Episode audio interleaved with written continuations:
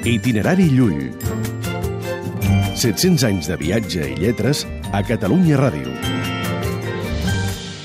Els governants inaccessibles. Ramon Llull, sempre crític amb el poder, es queixava d'alguns governants que no escolten les demandes del poble ni tenen en compte les seves necessitats, sinó que disposen d'intermediaris que foragiten aquells que s'hi volen adreçar.